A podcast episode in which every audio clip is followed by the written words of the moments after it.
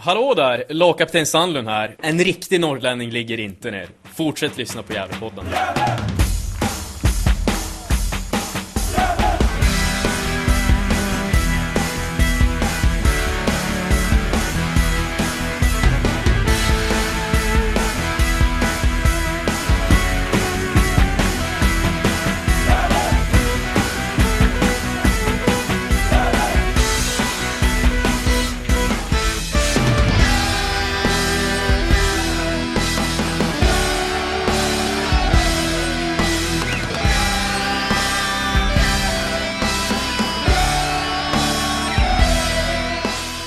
Jag er hjärtligt välkomna till Gävlepodden nummer 175 och eh, Gävlepodden tippar norrettan 2020. I detta första avsnitt får vi stifta bekantskap med IFK Luleå, Sandvikens IF och eh, Team TG. Analyser står Hugo Ådvall, Niklas Backlund och jag Andreas Ström för.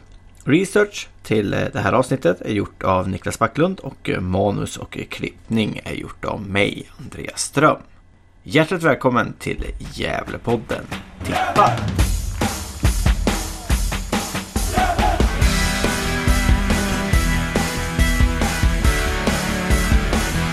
Fakta IFK Luleå IFK Luleå tabellposition 2019 Uppflyttade från division 2 Klubben är bildad 1900 och hemmaplan är Skogsvallen.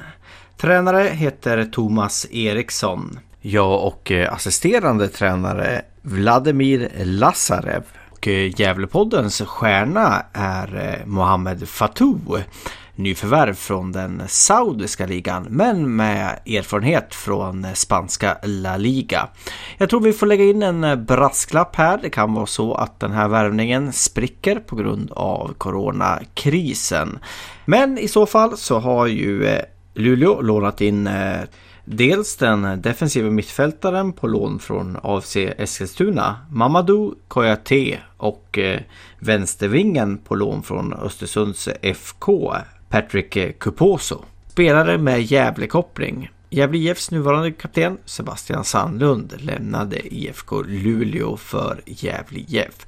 Men också den gamla spelaren Suad eh, Groda som avslutade sin karriär inför denna säsong i Nyköpings Bissarna kommer ifrån IFK Luleå.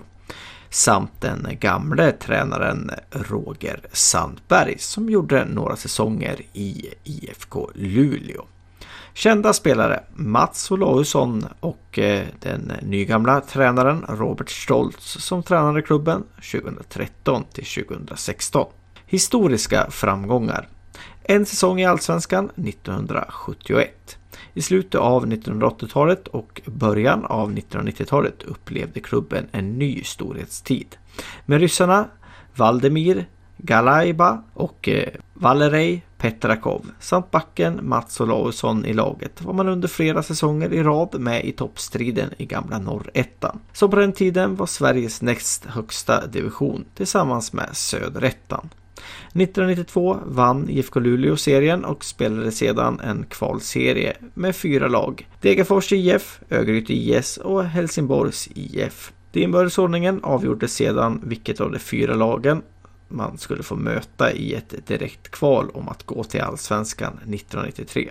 IFK Luleå vann bortamatchen mot favorittippade Degerfors IF med 1-0 efter mål av Christer Andersson. Därefter spelade man 1-1 hemma mot Örgryte IS och eh, förlorade med 4-3 borta mot Helsingborgs IF.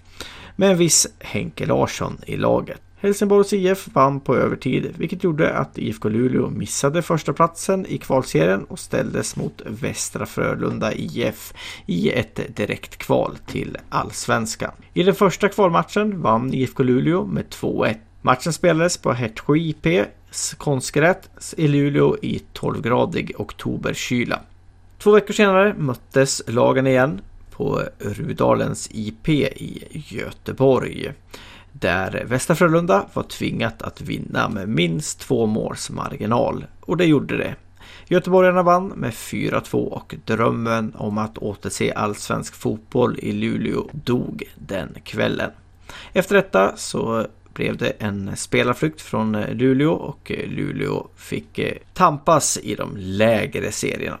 Nyförvärv nämnde Patrick Cuposo, vänsterving på lån från Östersunds FK. Och eh, på lån från eh, AFC Eskilstuna, Mamadou Kouaté. Jakob Johansson Inga, vänsterback från Bodens BK FF. Mohamed Fatou, defensiv mittfältare från eh, den saudiska ligan och eh, klubben Al Qadish. Och Sylvester Simba, offensiv mittfältare från Bodens BKFF. Spelarförluster. Joe Massi, högerback till Sandvikens IF. Alexej Gullsten, mittfältare anfallare till kontraktlös och Simon Gustavsson, försvarare till kontraktlös.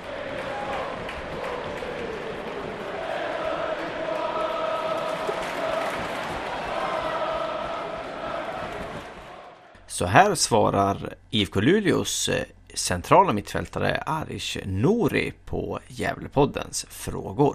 Gävlepodden har tippat att eh, ditt lag i Luleå kommer på 14 plats i tabellen. Hur ser ni på det? Ja, med, med tanke på hur det har gått för, för lagen som, eh, alltså från Norrbotten som har tagit steget upp i division 1 så, så är det inte så konstigt att vi placeras där vi placeras i botten av tabellen.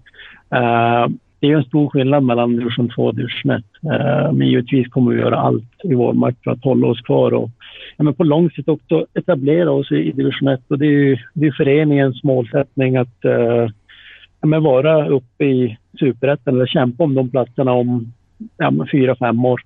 Mm. Så det här är ju bara en startskott. Ja, uh, vilka förväntningar tycker du att man ska ha på er i år då?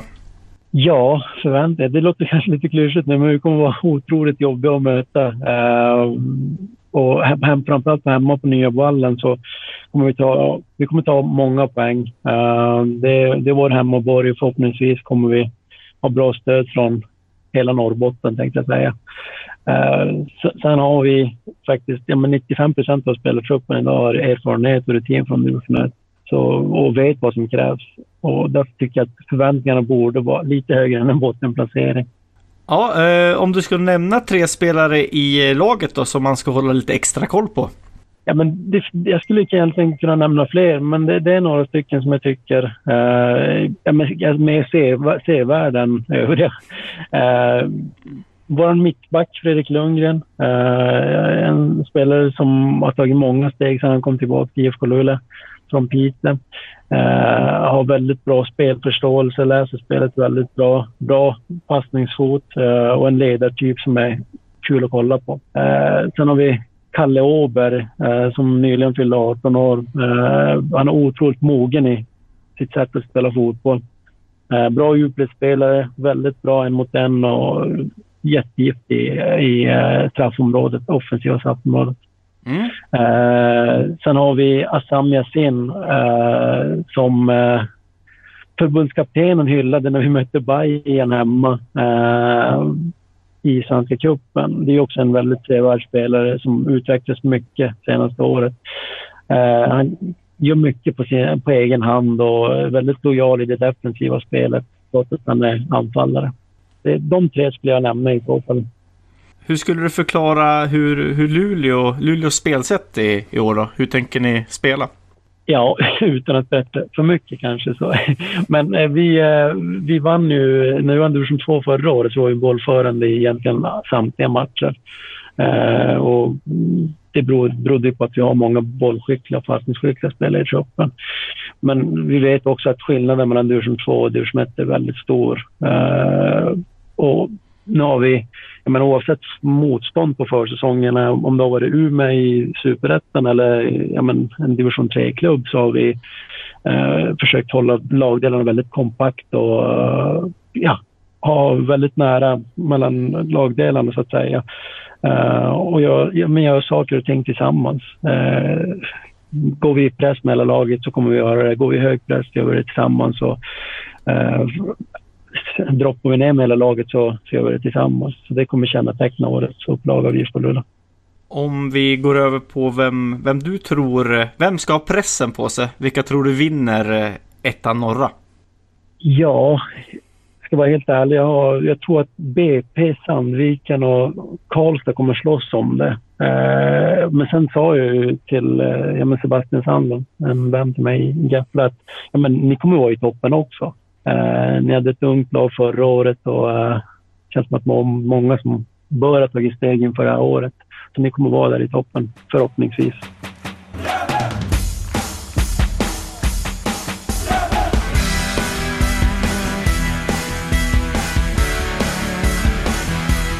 Ja, då vill vi önska er hjärtligt välkomna till Gävlepanelen och eh, detta snack om IFK Luleå. Tillsammans i denna podd är Niklas Backlund. Hallå Niklas! Hallå där! Och eh, Hugo Ådvall. Ja, precis. Tjena ja. Andreas. Tjena, tjena. Eh, och jag, Andreas Ström helt enkelt. Eh, så vi ska snacka IFK Luleå. Hur känns det Hugo? Ja, men det känns spännande att få, att få prata om något annat lag lite mer än, än bara Gävle IF. Eh, sen så återstår det väl att se hur, hur pass pålästa vi är, men, men det ska bli kul. Hur känner du Niklas?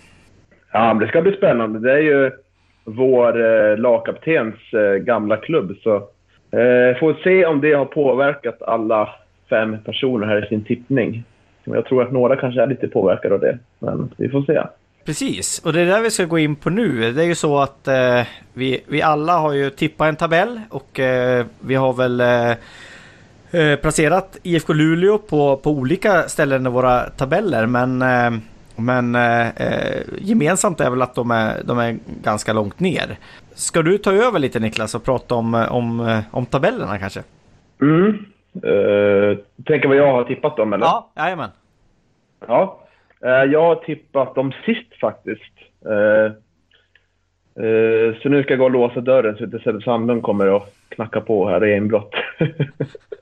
Nej, men eh, jag tror att de får det tufft trots att de har eh, sportchefen där Daniel Karlén har jobbat väldigt aktivt. Och eh, det är mycket som, som Arish Nouri säger i det vi får lyssna på, att det är, det är en svår övergång mellan division 1 och division 2. Och det har visat lag uppe i Norrland där, som Boden. De har svårt att klara sig kvar. Eh, men man har ju värvat väldigt aktivt från Bodens eh, bollklubb då. Eh, tre stycken spelare därifrån, minst jag vet. Eh, och jag varit inte jätteimponerad av det jag såg i, i Boden förra året då. Och de har lite spelare där som är ganska intressanta. Eh, och jag läste om Mohamed Fatou. Eh, han är från ett från liga, men vad jag googlade fram att han inte har något arbetstillstånd för att komma hit till Sverige än. Och det kanske ställer till det nu också. Ja, vad jag fattade som så var han ute, eh, sportchefen där, eh, Carlén, och, och pratade om att det, den troligtvis inte blir av den här eh, övergången. Ehm, och att man då eh, tog in eh, Mamadou Koyate istället från eh, AFC Eskilstuna som jag, jag fattade. Men eh, det är väl osäkert om han, om han kommer den här, den här gamla La Liga-spelaren. Ja, men det där, därför känns väldigt bräckligt liksom. Och det är lite så här chansvärvningar, lite sådär. Även Sylvester Simba tillhör ju Utrechts akademi. Och väldigt spännande namn också, men jag tror att det hänger på väldigt få, få spelare för att de kan kunna klara sig kvar. Så därför tror jag att de kommer komma sist. Mm. Även fast de har några spännande spelare, helt klart. Ja, ska jag köra mitt då? Eh, jag har ju tippat eh, IFK Luleå på tolfte plats. Så att jag, jag tror ju att de, eh, de klarar sig kvar då. Och till och med undviker kval. Och det baserar jag väl lite på att jag, jag tycker de här värvningarna är, är spännande. Det är en del namn. Jag tycker han Patrick Cuposo, vänsterving från som är på lån från Östersund är ju en, ja i sina bästa och i division 1 så borde han vara en riktigt bra kvalitetsspelare. Um, så att ah, man har ju, man har ju värva, inte så mycket, men man har ju värva kvaliteten då. Man, det är ju det är ju spelare med, med erfarenhet från, från division 1, från superettan och, och till och med från allsvenskan. Så att eh, Ja, eh, jag tycker att de, de känns som att de har något, något spännande på, på gång i Luleå. Och ehm, Eh, i intervju så hörde ni också att de, de siktar ju uppåt. De siktar ju och vill vara i superettan och, och vill utvecklas och så. Så att ehm, ja, jag tycker att eh, det känns som att eh, Luleå har något spännande på gång och jag hoppas och tror att de, de klarar sig från nedflyttning. Ja, nej men jag har ju lagt dem på en, en näst-jumboplats. Så att jag är någonstans där ganska mittemellan er, er två. Tror också som Niklas säger att det är, en väldigt tuff övergång från, från att vinna eller gå upp från tvåan till att på riktigt kunna etablera sig i division 1. Så det tror jag att det, det blir en stor utmaning för dem. Sen så har de ju värvat eh, en del nya spelare. Jag tycker att det, det är spännande namn men relativt jag vet inte vad jag ska säga, osäkra nästan. Eh, det gäller att man verkligen får ut max av alla de, av de spelarna för att de behöver verkligen lyckas på absolut högsta nivå för att kunna, för att kunna hålla sig kvar. Men, men i det stora hela så tycker jag ändå att det är ett, ett ganska, en, en ganska spännande nykomling. Eh, och, eh, men jag tror ändå att får man, får man ut maximalt av alla nyförvärven så, så borde man kunna kunna klara sig och kanske till och med sluta då bättre än min 15 plats. Men eh, jag tror att, jag tror att man kommer få det tufft att, att klara av omställningen från tvåan till ettan. Det man också kan säga, deras försäsongsresultat har inte varit särskilt övertygande. Alltså de sista fyra matcherna så var det ju ideliga förluster. Både mot Boden, Team PG, två gånger om och eh, mot Umeå FC. Så det, ja, Resultaten imponerar inte. Hur spelet såg ut vet vi inte. Ja, det är ju, de har ju vunnit mest mot, eh, mot, eh, mot lag som, som de faktiskt ska slå i, i Piteå. Och, eh, Luleå SK och eh, Notvikens IK som eh, kommer från, eh, från lägre divisioner. Eh, där man kunde få fram intervjun var väl att de, de har försökt spela samma fotboll mot eh, mot eh, alla motståndare. eh, så att man har ju spelat samma fotboll mot, mot Umeå FC som numera är en superettan-klubb som man har gjort mot, mot Notviken då, för att ja, försöka spela sin fotboll. Ehm, jag tänkte, ska vi redovisa Johan och eh, Pers placering av IFK Luleå också? Det gör vi, tycker jag. Ja, Johan Norrström, han, han är som jag. Han tror att IFK Luleå kommer på tolfte plats och Per Bilpoddan Magnusson nere i Örebro, han eh, tror som Hugo att IFK Luleå kommer på näst sista plats, alltså på femtonde plats. Eh, nu kan ju inte mm. de vara med och försvara sig här, men eh, ja, det är ju liknande vad, vad jag och Hugo tror då. Ja, att Sebbe Sandlund är väldigt nöjd över ditt och Johans tippning tror jag. Ja, och Suad Groda också säkert, som också är ifrån, mm. från, eh, från IFK Luleå från början.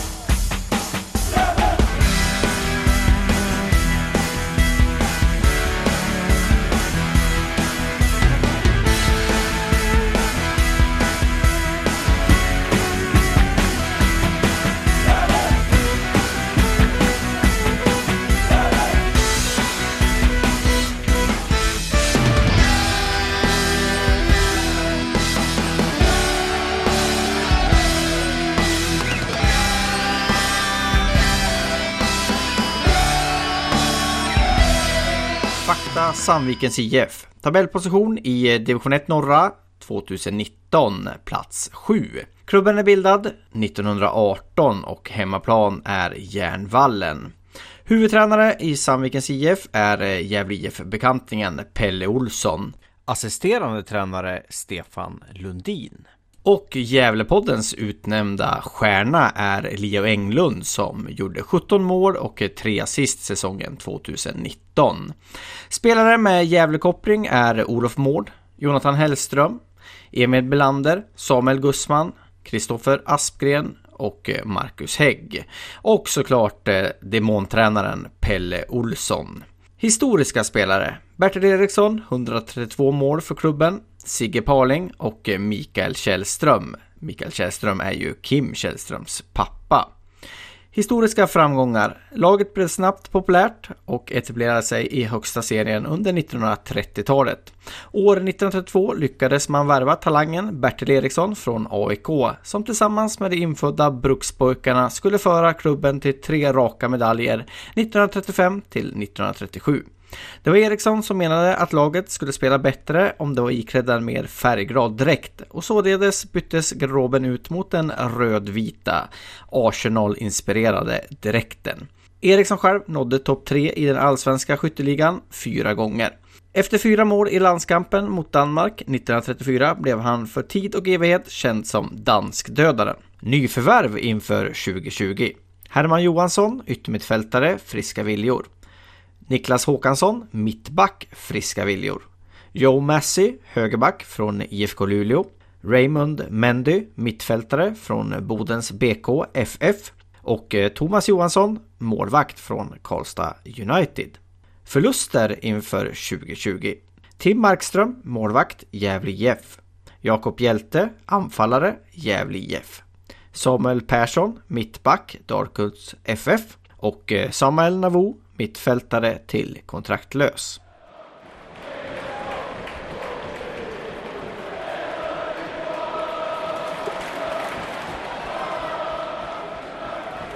Ja, så här svarar Stefan Lundin, assisterande tränare i Sandvikens IF på Gävlepoddens frågor. Gävlepodden har tippat att ni, Sandvikens IF, kommer på fjärde plats i tabellen 2020. Hur ser eh, du på det? Eh, vi har ju ett bra lag och vill absolut vara med i toppskiktet så det, det låter väl eh, helt eh, rimligt.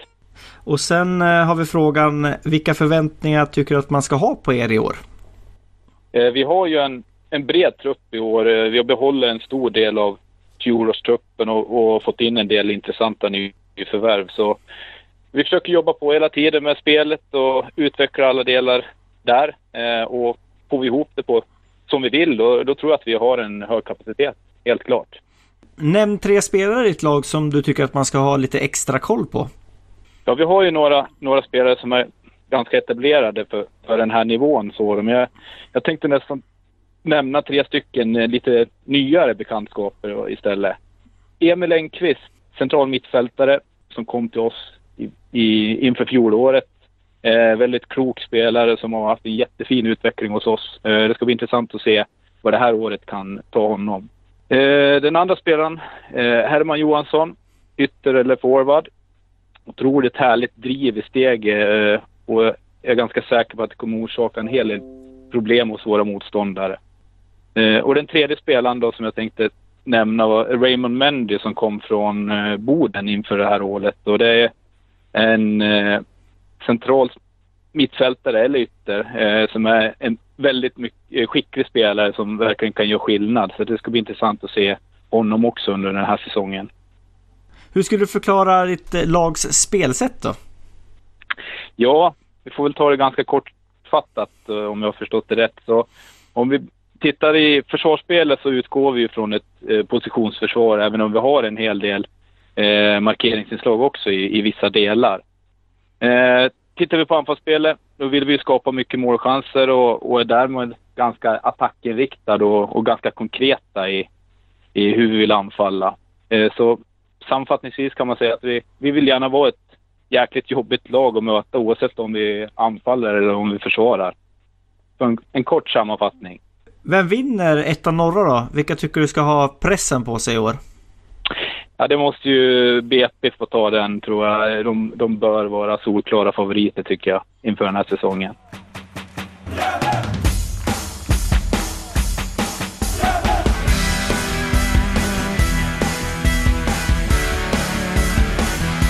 Eh, vi kan väl börja med Hugo den här gången. Eh, vad känner du inför Sandviken, Hugo?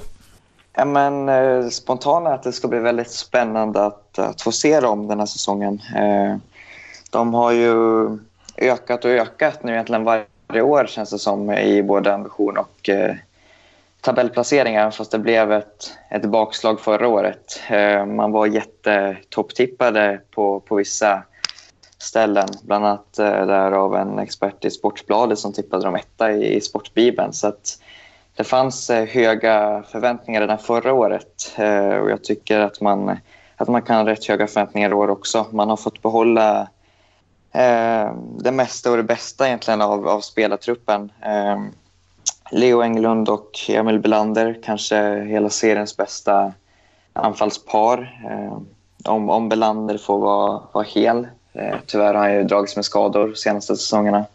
Man har många äldre spelare så att eh, liksom, vill man eh, ta det här steget upp med de spelarna i truppen så bör det nog, nog ske eh, i år eller nästa för att sen så börjar Mård och company eh, nästan bli för gamla. Så att det lär eh, börja ske någonting rätt snart. Eh, man har haft svårt att vara ganska jämna i en, i en hel serie. Ehm, 2018 så inledde man ganska svagt men eh, spurtade rejält på hösten och eh, fick till en ganska fin placering. Förra året så blev det tvärtom där man eh, gick på knock direkt med en 4-5 raka vinster men sen föll igenom här på hösten. Så att Får man det att funka över en hel säsong så är ju Sandviken verkligen att räkna med. Men då vill det till att man, att man kan hålla ett, ett jämnt, en jämn poängskörd hela serien igenom. Eh, om jag ska fortsätta lite till då så har man ju tyvärr då, enligt mig, eller tyvärr för dem, ett eh, ganska ett spel som du inte vinner en serie på, eh, vilket har visat sig nu med Pelle. Man har verkligen kunnat stabilisera sig bra och, och liksom ja, har verkligen eh, varit ett verkligen stabilt lag i, i division 1 norra men man har haft väldiga problem med att, att vara ett, ett topplag och verkligen tillhöra toppen under en hel säsong. Så att eh, man bör nog ändra någonting i spelet om man, om man vill verkligen kunna hota på allvar om en topp placering Men jag tror att man, eh, att man kommer lyckas rätt bra i år. Jag tycker truppen är väldigt spännande och kan man som sagt bara få ihop det över en hel säsong så är de verkligen räkna med. Så jag har ju tippat dem på en, på en tredje plats. Om jag, om jag tar det så, så, måste jag ju kontra lite där. Alltså om man säger förra året då man kom på en sjunde plats då så, så beror det otroligt mycket på alla skador som man har förra säsongen. Eh, ska man vara ett topplag i Sandviken så kan man inte dra på sig de mängden skador som man, eh, som man gjorde förra, förra året. Jag tycker kanske att det är ett tapp på målvaktspositionen. Jag vet inte, Tim Markström mot Tobias Johansson.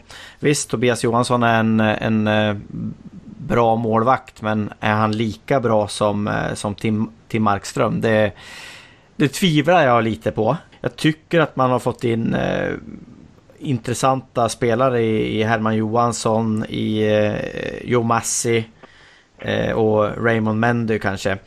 Eh, Medan förlusterna ja, jag tycker väl kanske att på, på utspelarfronten så har man, har man nog förstärkt eh, mot för förra året. Frågetecknet är lite eh, målvaktspositionen då. Tobias Johansson är norsk förresten. Bara en sån här liten eh, intressant grej. Eh, jag har ju tippat eh, Sandviken på fjärde plats eh, i tabellen. Ehm, och eh, visst eh, skulle man kunna komma topp tre Eh, med lite flyt. Men eh, ja, en, en fjärde plats på, på Sandvikens IF. Mm, alltså, först måste man ju börja med den här matchen mot Djurgården som alla Sandvikare har ett slags eh, eh SM-guldhybris över. Jag tänker så här kring den matchen. Att man mötte ett Djurgården som framförallt har fokus i år då, innan allt det här med hela virusgrejen kom, eh, fokus på att eh, gå in i Champions League och eh, försöka försvara ett SM-guld. Så jag tror inte man var riktigt påtända i kuppen överhuvudtaget. Jag tror man ganska mycket eh, struntade i den faktiskt, även fast man aldrig kommer säga det. Så jag tror inte den matchen ska man, man kan inte lägga så stor vikt på den matchen, eh, hur man presterade där liksom. Utan det var, det var mest Djurgården som lät Sandviken komma upp och eh, hämta upp till 2-2 där. Så först det. Sen är det så här, det är mycket om. De kan komma topplag om det här sker, om det här sker. Och det är ju som ni säger, det är, det är liksom en trupp med väldigt skadebenägen. Och det är en ålderstigen trupp som jag tror att den får väldigt svårt att hålla i längden. Jag tror inte man orkar över en hel säsong. Även fast man har en del saker som, som är spännande. Framförallt Herman Johansson tycker jag. Såg vi i kvaliteten eh, i den här matchen mot Djurgården. Eh, men sen har man även tappat eh, Samuel Naivo. Som gjorde mycket matcher förra året och fortfarande inte har klart med en ny klubb. Och man, man pratar i intervjun här, som vi fick lyssna på innan, att uh, han tycker att bredden är större. Ja, jag vet inte riktigt om bredden är större. Alltså, jag tycker inte man... Man tappar Samuel där och får man in Herman Johansson. Så båda är wings. Så man tappar Samuel Persson mittback, man får in Joey Massi som högerback. Jag tycker inte bredden är så stor heller. Så, och allt det här kombinerat så tycker jag att de eh, kommer komma sexa, tror jag. Nej men alltså kollar man på försäsongen förutom matchen mot eh, Djurgården så, så är den ju katastrofal, höll jag på att säga. Eh, man förlorar med 4-0 mot, mot Brage, man förlorar med 1-0 mot oss i, i Gävle, man förlorar mot, mot Motala, eh, man förlorar mot, mot Mjällby. Kanske inte är så mycket att säga om, men eh, man vinner mot Fagersta Södra med 4-0 och sen förlorar man med 3-1 mot Dalkurd också.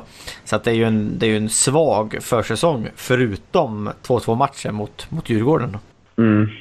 Så att, eh, Ja, så är det. Även fast man har ju som väldigt bra anfallspar när det väl får spela och är, är i bra form. Men det är svårt att se att det ska hålla över en hel säsong igen.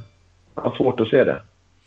Ja, alltså största fienden mot Sandviken är väl Järnvallen och, och mattan där. Eh, det, det, känns ju som att den skördar, skördar sina offer när det kommer till skador. Eh, sen kan man ju inte skoja bort eh, Leo Englunds 17 mål och 3 assist eh, förra säsongen. Så, så är det ju liksom. Men ja, nej, jag har också svårt att, att, att se, se att de håller, håller hela säsongen för att, för att komma topp tre. Uh, vi kan väl dra då per, per och uh, Johans tippningar. Johan Norrström tror att de kommer trea och Per Magnusson tror att de kommer femma. Så vi ligger och nosar lite på samma positioner alla fem kan man säga. Ja, nej, men det är ju, det är ju ett av de lagen som, som vi har. Vi har dem ju från tre till, till sex ja. Eh, så att eh, ja, jag tror att de, de ligger ganska rätt där. Eh, sen är det ju så att man ska man vinna en serie eller då ska man ska ha lite tur också. Så, eh, så är det ju. Så att eh, ja, vi får se. Intressant. Eh, de har intressant lag i Sandviken. De känns, eh, känns ändå stabila när det gäller truppen. Ja, det får man säga ändå. Det är, det är mycket rutin i den här truppen. Det får man, får man ge dem. Jo, det finns ganska mycket allsvensk, allsvensk rutin i den också. Så att, äh, de har en intressant äh, trupp, det tycker jag. Men äh, skadebenägenheten oroar.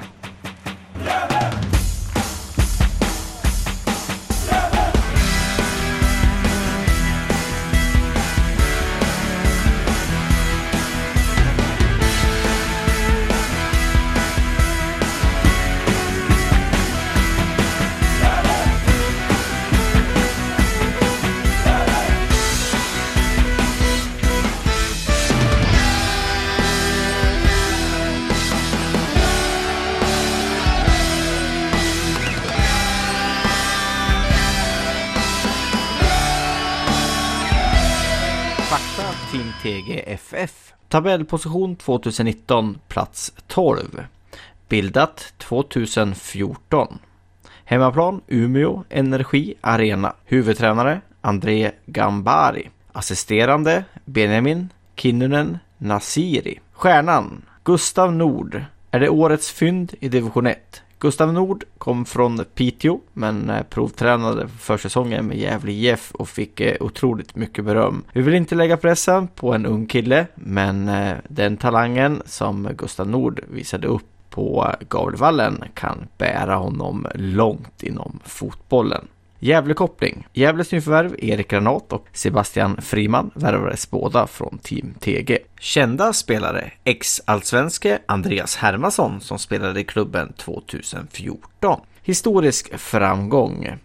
Team TG bildades alltså 2014 och är en sektion inom föreningen Team Toringgruppen SK i Umeå.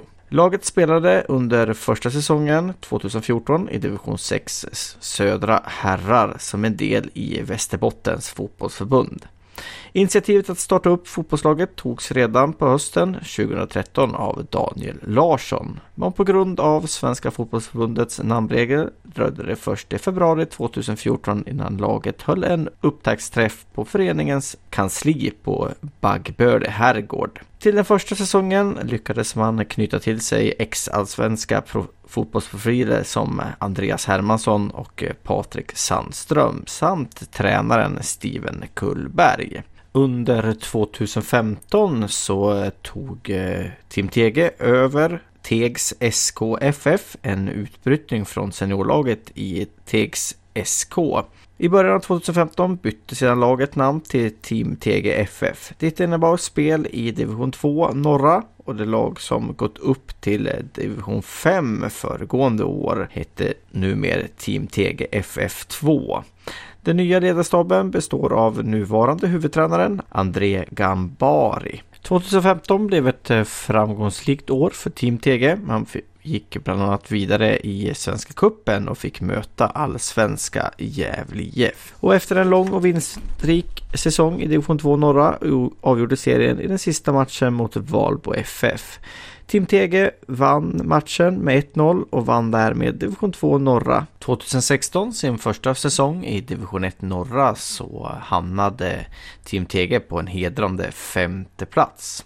2017, sin andra säsong i division 1 norra, så hamnar man på en sjunde plats. Nyförvärv Viktor Kampf, forward på lån från Umeå FC. Gustav Nord, offensiv mittfältare från Piteå IF. Sebastian Chaffey Åman, offensiv mittfältare, anfallare från Bodens BKFF. Kenneth Mukisa, mittback från Skellefteå FF. Ville Norman, mittfältare från IFK Umeå. Emil Johansson, mittfältare på lån från Umeå FC. Rasmus Engström, anfallare från BK Forward. Hampus Bergdahl, mittback från San Diego State. Fredrik Winnered, målvakt från IFK Umeå. Per Boltegård Blom, mittback, vänsterback och ibland forward från IFK Lidingö. Adel Ciara, mittback från Umeå FC. Gustav Halvarsson, målvakt från Nyköpings BIS. Jonathan Kjeller, mittfältare från Skellefteå FF. Och Gino Berg, anfallare från Skellefteå FF. Förluster Erik Granat, mittfältare till Gävle IF. Sebastian Friman, mittfältare till Gävle IF. Mattias Åkerlund, försvarare till kontraktlös. Linus Salin, försvarare till Umeå FC. Jonathan Jonsson, mittback till kontraktlös. Ludvig Marklund, mittfältare till kontraktlös. Alhej Dame, högerback till kontraktlös. Oskar Krusnell, vänsterback som är tillbaka i Hammarby, var på lån i eh, Team TG förra året. Patrik Boman, anfallare till kontraktlös. Adam Chenuffi, offensiv mittfältare som är utlånad till Umeå FC. Fredrik Johansson, anfallare till Piteå IF. Aron Sahoui Basuku, anfallare till kontraktlös. Mattias Eriksson, målvakt till kontraktlös.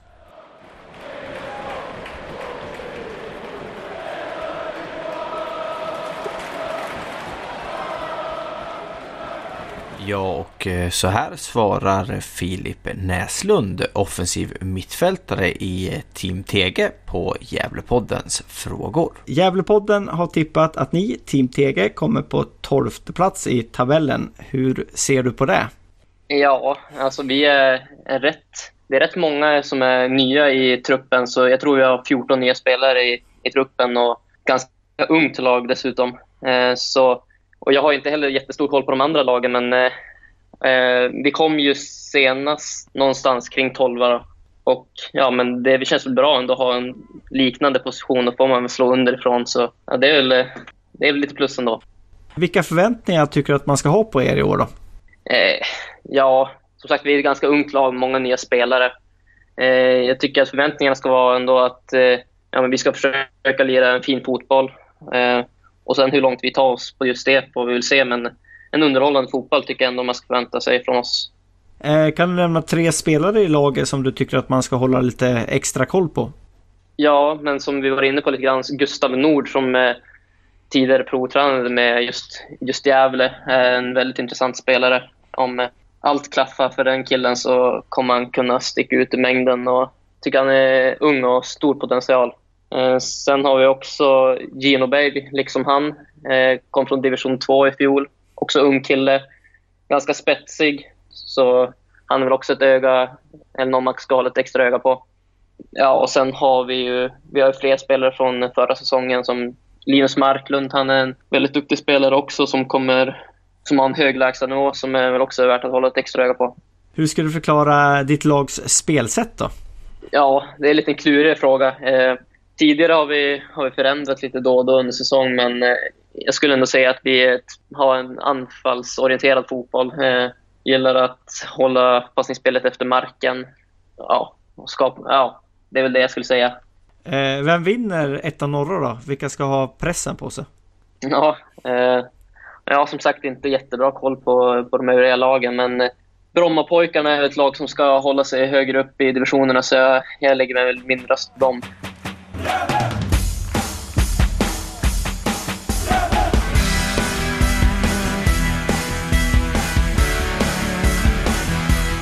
Nu ska vi prata om eh, Team TG. Ja, vad säger du om Team TG, Niklas? Spännande klubb tycker jag faktiskt om man ser på nyförvärven. Det är, det är mycket som har norrländsk karaktär, eh, likt till Luleå. Eh, men man har dragit nytta av att man är i samma stad som superettan-klubben Umeå FC. Då. Där kommer en del nyförvärv, men även från Boden, Skellefteå och Piteå. Jag fastnar för några namn här. Dels har vi Gustav Nord då, som har provspelat för oss. Eh, som jag tycker ser spännande ut. Men även på anfallssidan. Gino Berg, skyttekung från division 2 med Skellefteå. Som jag tycker han ser, det är ett spännande namn. Och även då Rasmus Engström från BK Forward. Han spelar ju i Team TG förra året, men var skyttekung för BK Forward 2018 borde vi. Där borde finnas lite potential. Men jag tror ändå att Team TG får det, får det tufft med tanke på att de har tappat två av sina bästa spelare till oss då, genom Sebastian Friman och Axel Granat. Men jag tror i alla fall att de blir 11.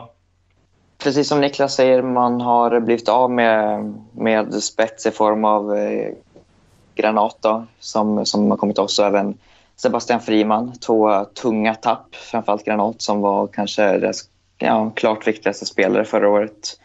Eh, både offensivt och defensivt, framförallt med sina nio mål. Eh, jag ser inte riktigt att man har lyckats ersätta den spets som man har blivit av med där. Eh, det finns en, en hel del intressanta namn, absolut, men det är ändå ganska oprövade namn på den här nivån. Eh, Rasmus Engström har gjort mål i division 1, absolut, men annars är det Gustav Nord och eh, Berg där från, från tvåan. Och det, som vi var inne på med Luleå, det är, ett, eh, det är ett steg att ta från tvåan till ettan. Så jag ser inte riktigt att man har, eh, på pappret i alla fall, lyckats ersätta de, eh, de spetsspelarna. Så där tror jag att man kan få det lite jobbigt. Eh, sen så på försäsongen så har man väl inte heller riktigt imponerat resultatmässigt eh, enligt mig. Det finns både toppar och dalar liksom. Eh, men, eh, nej, men överlag så är, tror jag på ännu en, en bottensäsong för Team TG. Man slutade 11-12 förra året eh, och jag har tippat dem som eh, där igen 12 i år igen. Så att, eh, jag tror att man nog lyckas hålla sig kvar men det är med, med små marginaler. Vad tycker du har varit bristen under försäsongen? För enligt vad jag har sett så har de inte förlorat eh, någon match. Ja, nej, men jag tycker dels eh, motståndet man har mött. Eh, man har mött... Eh, vad ska man säga? Det är inte, man har inte testats på det, på det sättet. Nu ska man ju komma ihåg att det kanske inte Gävle gjort riktigt heller.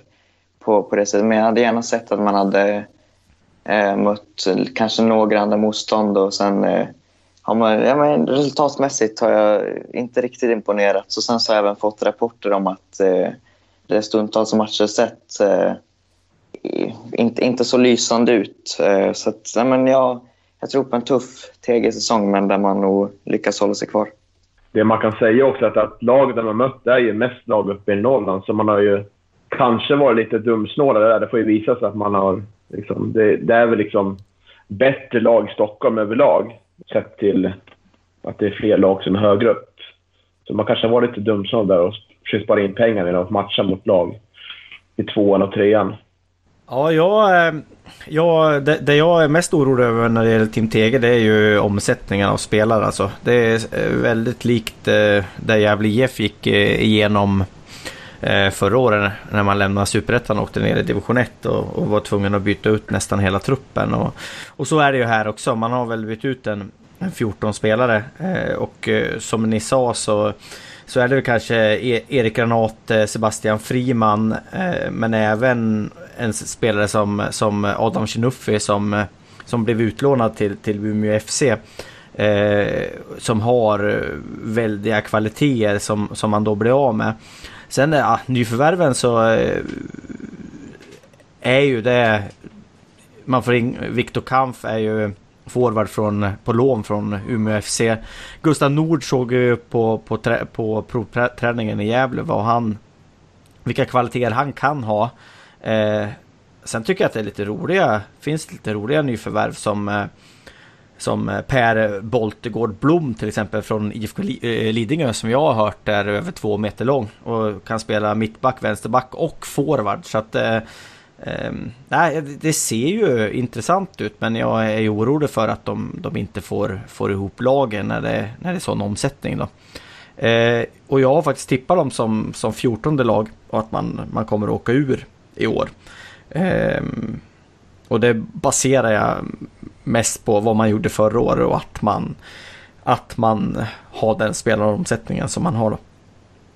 Sen när det gäller försäsongsresultatet så eh, tycker jag att man, eh, alltså man slår Bode med 3-0, eh, division 2-klubb då som åkte ur. Eh, man spelar 2-2 mot Friska Viljor eh, på hemmaplan. Det är väl sådär. Eh, man slår Luleå med 3-0, helt okej. Okay. Eh, man spelar 1-1 hemma mot eh, Umeå FC. Också helt okej. Okay. Man slår eh, ett Hudiksvall med 9-0 som vi hade väldiga problem med i, Gävle. Så att ah, det är väl lite så där man, man har väl blanda och, och gett liksom. Man slår Täfteå och IK med 3-2 och Täfteå är väl en division 2-klubb också tror jag. Så att, man har inte förlorat på försäsongen men som sagt var man har inte mött det bästa motståndet heller kanske. Och det har ju varit jämnt i många matcher mot, mot division 2-lag. Så att eh, ja, vi får se.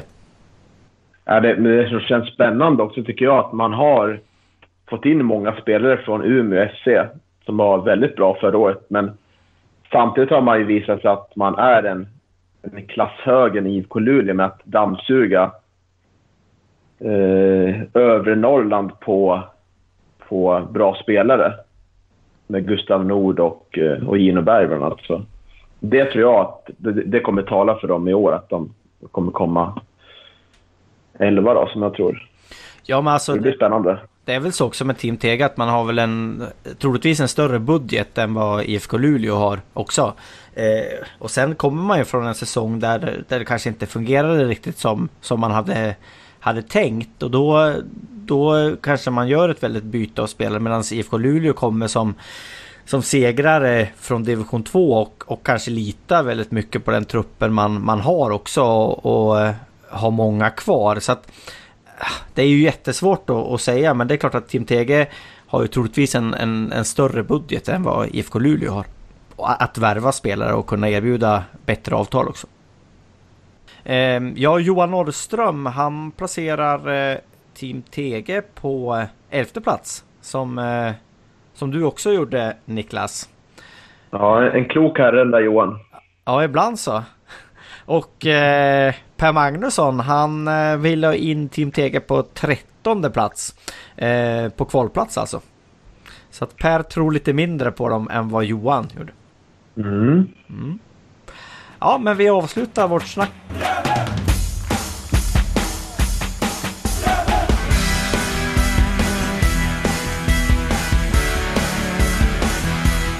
Ja, då kör vi en eh, liten sammanfattning om eh, IFK Luleå, Sandviken och eh, Team TG. Man kan väl konstatera att de här tre lagen, Sandviken, Team TG och Luleå, vi har, tycker ganska lika i alla lag. När jag kollar pappret här. Men eh, ja, så det, det är...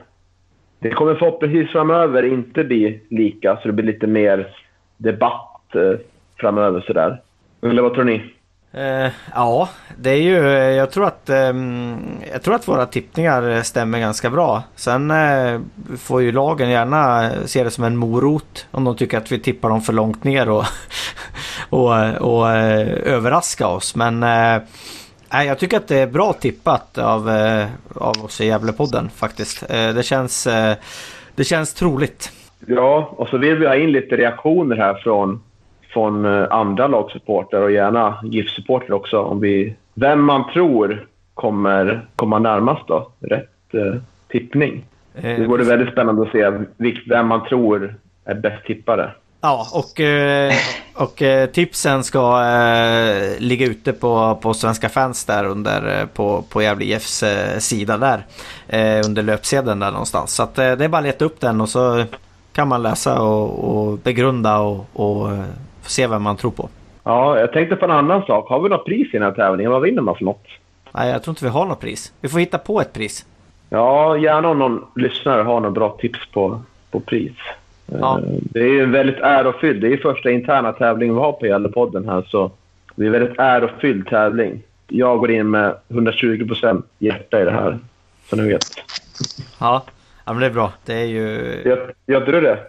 Jo, herregud. Jag har jobbat ihjäl med sista, sista veckorna här med intervjuer och, och Johan också. Och du eh, har ju skrivit, skrivit allt material eh, Niklas. Så att du har ju också nästan jobbat ihjäl det. Så att eh, när man inte kan göra tifon då får man skriva historia och sånt om, om lagen istället. Ja, jag tänker Hugo som går i skolan har ju förhoppningsvis lagt, har lagt all sin tid på det här istället för något annat tråkigt hemarbete. Eller hur Ja, Hugo? absolut, absolut. Ja, det är bara Per Magnusson vet du. Nu klarar han sig på att han inte är fullvärdig medlem vet du. Slipper han slita. Kan han bara sitta där och ta åt sig credden. Ja, jag vet ju att Johan har jobbat väldigt mycket så man kan ju inte bli förvånad om han kommer sist i den här tävlingen. Nej, det hade inte förvånat mig ändå i och för sig. Men ja. ja, men ska vi avsluta så grabbar? Eller vill du säga någonting Hugo? Det lät som att du hade någonting på G. Nej, nej men jag, jag är nöjd. Du är nöjd? Då, eh, då tackar vi och så ser vi fram emot eh, avsnitt eh, två. Vilka är det i avsnitt två Niklas? Det kan vi ju dra. Ja, det har jag skrivit upp på något dokument här. Nu ska vi kolla om jag hittar det. Det är Per, Johan och jag är. Ja, vilka lag då? Eh, Örebro, Syrianska, Karlslund och Karlstad. Ja, det blir intressant. Ja, det är bara jag som tycker olika om Karlstad. Det är spännande. Ja, nej, tippningen är ju du som är lite speciell. Ja, Ja. Men eh, jag tackar så mycket grabbar. Vi, vi hörs. Ja, men det gör vi. Ha det bra. hej. Hej. Hej.